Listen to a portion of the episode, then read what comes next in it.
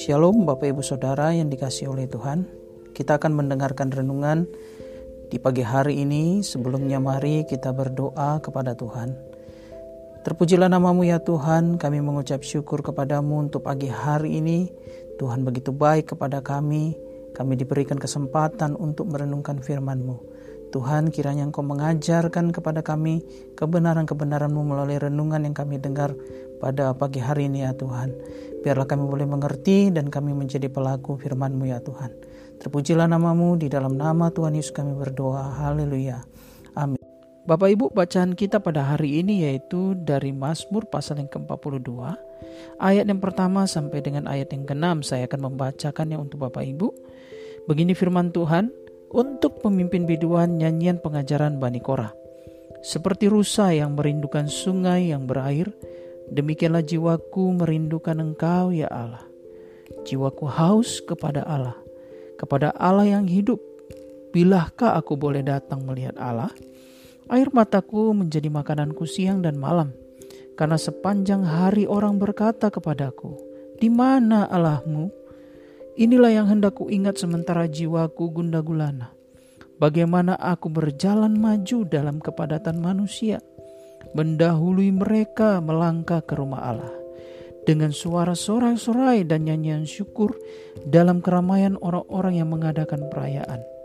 Mengapa engkau tertekan hai jiwaku dan gelisah di dalam diriku?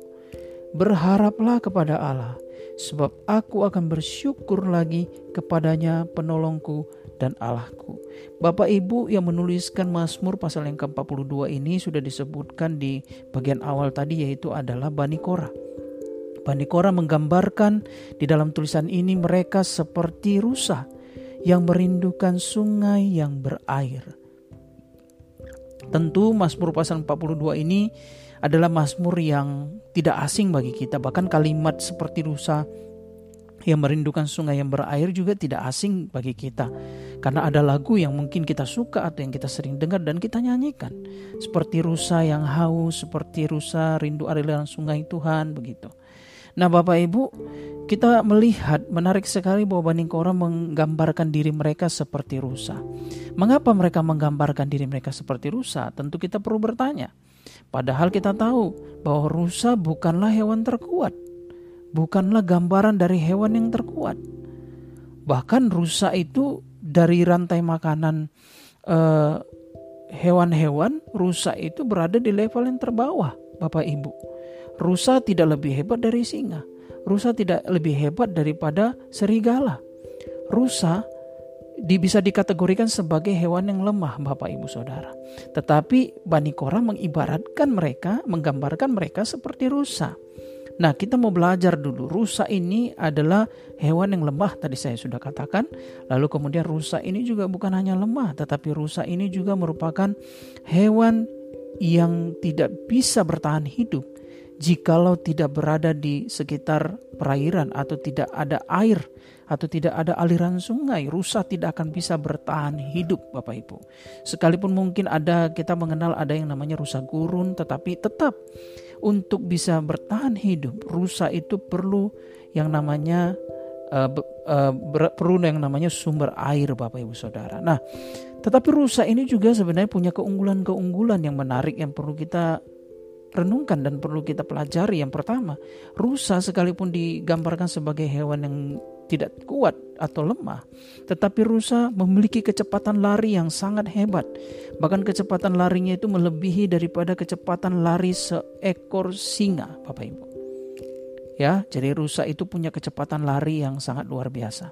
Untuk menghindari lawan-lawannya, kemudian rusa juga memiliki tanduk.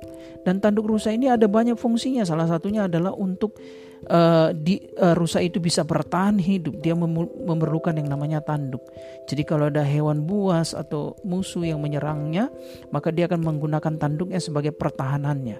Lalu kemudian yang selanjutnya adalah rusa ini adalah hewan yang sangat bertekad. Ya, sangat semangat untuk mencari yang namanya sumber air. Rusa akan terus-menerus mencari tempat di mana ada sumber air.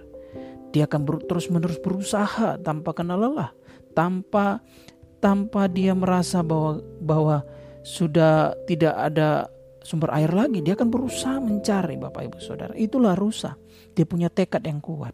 Nah, gambaran yang coba disampaikan oleh Bani Kora tampaknya ini mengikuti kelemahan dan juga kelebihan daripada rusa itu.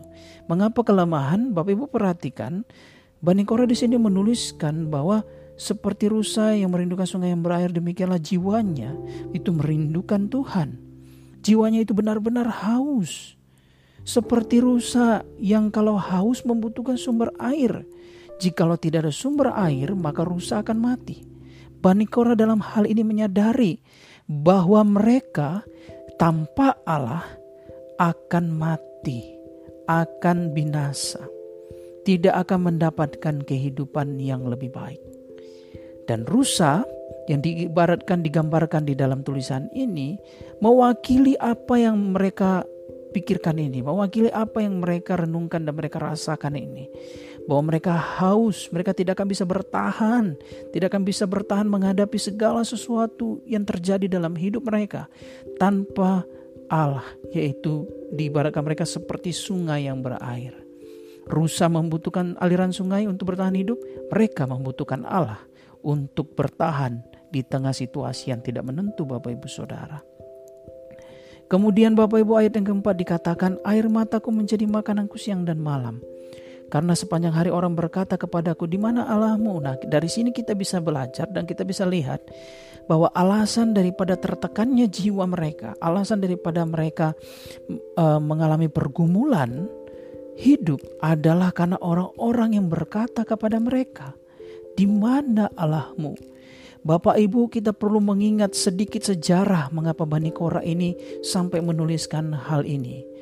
Kita tahu Bani Kora ini berasal dari siapa? Ada seorang yang bernama Kora, ya, seorang bernama Kora yang menentang Musa di dalam kitab yang lain dari perjanjian lama ini Bapak Ibu Saudara.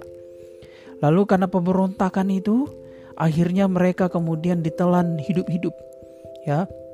Maksudnya tanah di mana, mereka berdiri tiba-tiba terbuka dan mereka masuk semuanya ke dalam itu dan kemudian tanah itu menutup kembali atas penentuan Tuhan, atas apa yang Tuhan lakukan. Mereka mendapat hukuman karena menentang atau memberontak kepada Musa, pemimpin yang dipilih Tuhan, diurapi Tuhan pada masa itu. Dan Bani Korah ini merupakan keturunannya, keturunan daripada orang-orang si pemberontak ini. Jadi tampaknya Mazmur ini dibuat oleh karena orang-orang yang ada di masa itu melihat dan menganggap bahwa Bani Korah ini tidak layak mendekat kepada Allah. Mereka adalah kaum-kaum pemberontak sehingga Allah Israel yang disembah oleh orang-orang Israel pada masa itu tidak layak disebut Allah mereka. Sehingga orang-orang berkata, "Di mana Allahmu?" Allah yang kau akui sebagai Allahmu itu Allah kami, bukan Allahmu karena kamu adalah pemberontak, kaum pemberontak. Hal ini membuat mereka bergumul sehingga sampai mereka siang dan malam itu yang menjadi makanan mereka adalah air mata mereka. Tetapi Bapak Ibu perhatikan di sini mereka sangat merindukan Allah. Di balik pergumulan ini, kita bisa belajar juga di mana di ayat selanjutnya dikatakan, ya, inilah yang hendak ku ingat. Sementara jiwaku gundah gulana, Bagaimana aku berjalan maju dalam kepadatan manusia, mendahului mereka melangkah ke rumah Allah. Dengan suara sorai-sorai dan nyanyian syukur, dalam keramaian orang-orang yang mengadakan perayaan. Bani Korah ingin mengatakan, ya sekalipun aku kaum pemberontak, tetapi kerinduanku kepada Allah melebihi engkau semuanya. Dia mereka adalah kaum, mereka adalah orang-orang yang berjalan maju dalam kepadatan manusia mendahului mereka semuanya untuk berjumpa dengan Allah. Kerinduan mereka kepada Allah begitu besar sehingga mereka sekalipun diidentikan sebagai kaum pemberontak mereka tidak mempedulikan itu. Mereka dengan sorak-sorai dengan sukacita datang kepada Allah melebihi sukacita dan kerinduan daripada orang-orang yang mengejek dan mengatakan di mana Allahmu? Lalu kemudian dikatakan di sini Bapak Ibu Saudara. Ayat yang keenam, mengapa engkau tertekan hai jiwaku? Bani Korah dalam tulisan ini mengatakan kepada dirinya sendiri, "Mengapa kau tertekan dan gelisah dalam diriku?" Berharaplah kepada Allah. Allah lah sumber pengharapan itu. Sebab aku akan bersyukur lagi kepadanya penolongku dan Allahku. Kita bisa melihat uh, sifat kedua daripada rusa yang digambarkan oleh Bani Korah yang ada di dalam ayat yang kelima ini Bapak Ibu Saudara. Yaitu di mana rusa adalah hewan yang sangat bertekad, berusaha keras untuk mendapatkan sumber air. Bani Korah berusaha keras untuk berjumpa dengan Allah, berusaha dan dengan sungguh-sungguh datang kepada Allah karena kerinduannya. Di balik pergumulan dan tekanannya dia berkata, kenapa tertekan, kenapa gelisah diriku? Harusnya itu tidak perlu. Jika itu datang, tekanan dan juga gelisah dalam diriku, berharaplah kepada Allah. Bani Korah memilih hal yang terbaik, jikalau ada pergumulan, jikalau ada tekanan, jikalau ada kegelisahan, maka jalan satu-satunya untuk menyelesaikan hal itu adalah berharap kepada Allah dan bersyukur lagi kepada Allah. Ini di di ayat yang keenam ini muncul dua kali Bapak Ibu dalam teks ini. Muncul dua kali. Dia muncul dua kali dalam teks ini Bapak Ibu menandakan betapa keputusan yang sangat penting yang diambil oleh Bani Korah. Sekalipun jiwa aku tertekan, sekalipun aku gelisah, aku mau berharap kepada Allah dan bersorak-sorai bersuka cita kepada Allah. Karena Bani Korah tahu kerinduannya kepada Allah jauh lebih besar, jauh lebih penting daripada tekanan yang dia peroleh, daripada ejekan-ejekan orang. Datang kepada Allah, berharap kepada Allah adalah jawaban atas semuanya, karena Allah tidak pernah menolak mereka. Allah tidak pernah menolong siapa pun yang berharap dan datang kepadanya. Bapak Ibu, apa yang bisa kita pelajari dari teks ini? Mari kita berharap kepada Allah di balik pergumulan kita. Apakah kita adalah pribadi yang merindukan Allah dengan sungguh-sungguh melebihi siapa pun? Ataukah ketika kita mendapat masalah, mendapat tekanan, mendapat kegelisahan, justru kita meninggalkan Allah? Mari kita renungkan Bapak Ibu Saudara. Mari kita memiliki hati yang haus dan lapar yang membuat kita merindukan Allah, haus dan lapar akan Allah. Karena kita tahu seperti gambaran daripada Bani Korah ini, kita seperti rusa. Kalau tidak ada sumber air, maka kita akan mati. Kalau tidak ada Allah, kalau tidak ada Allah dalam hidup kita, maka kita akan binasa dan kita tidak akan bisa bertahan menghadapi situasi yang semakin hari bukan semakin baik tetapi semakin hari semakin sulit. Bapak Ibu Saudara, yang kedua juga kita belajar. Jikalau kegelisahan dan tekanan itu datang, tetaplah berharap dan bersuka cita di hadapan Allah. Maka ini menjadi solusi daripada kehidupanmu yang akan terus diberkati dan melihat pertolongan Tuhan. Amin Bapak Ibu Saudara, demikian firman Tuhan yang kita renungkan di pagi hari ini. Mari kita berdoa. Terpujilah namamu ya Tuhan untuk kebenaran yang sudah kami pelajari dari Bani Korah ya Tuhan, kami belajar bahwa kami harus memiliki hati yang haus dan lapar kepadamu, karena Engkaulah sumber aliran air itu. Kami seperti rusa yang membutuhkan sumber air itu. Kami membutuhkan Engkau untuk bertahan tengah situasi di tengah pergumulan yang tidak menentu ini Tuhan. Dan kami juga jikalau kegelisahan dan tekanan datang kepada kami, solusi yang terbaik adalah berharap kepadamu karena engkau tidak pernah mengecewakan orang-orang yang berharap kepadamu.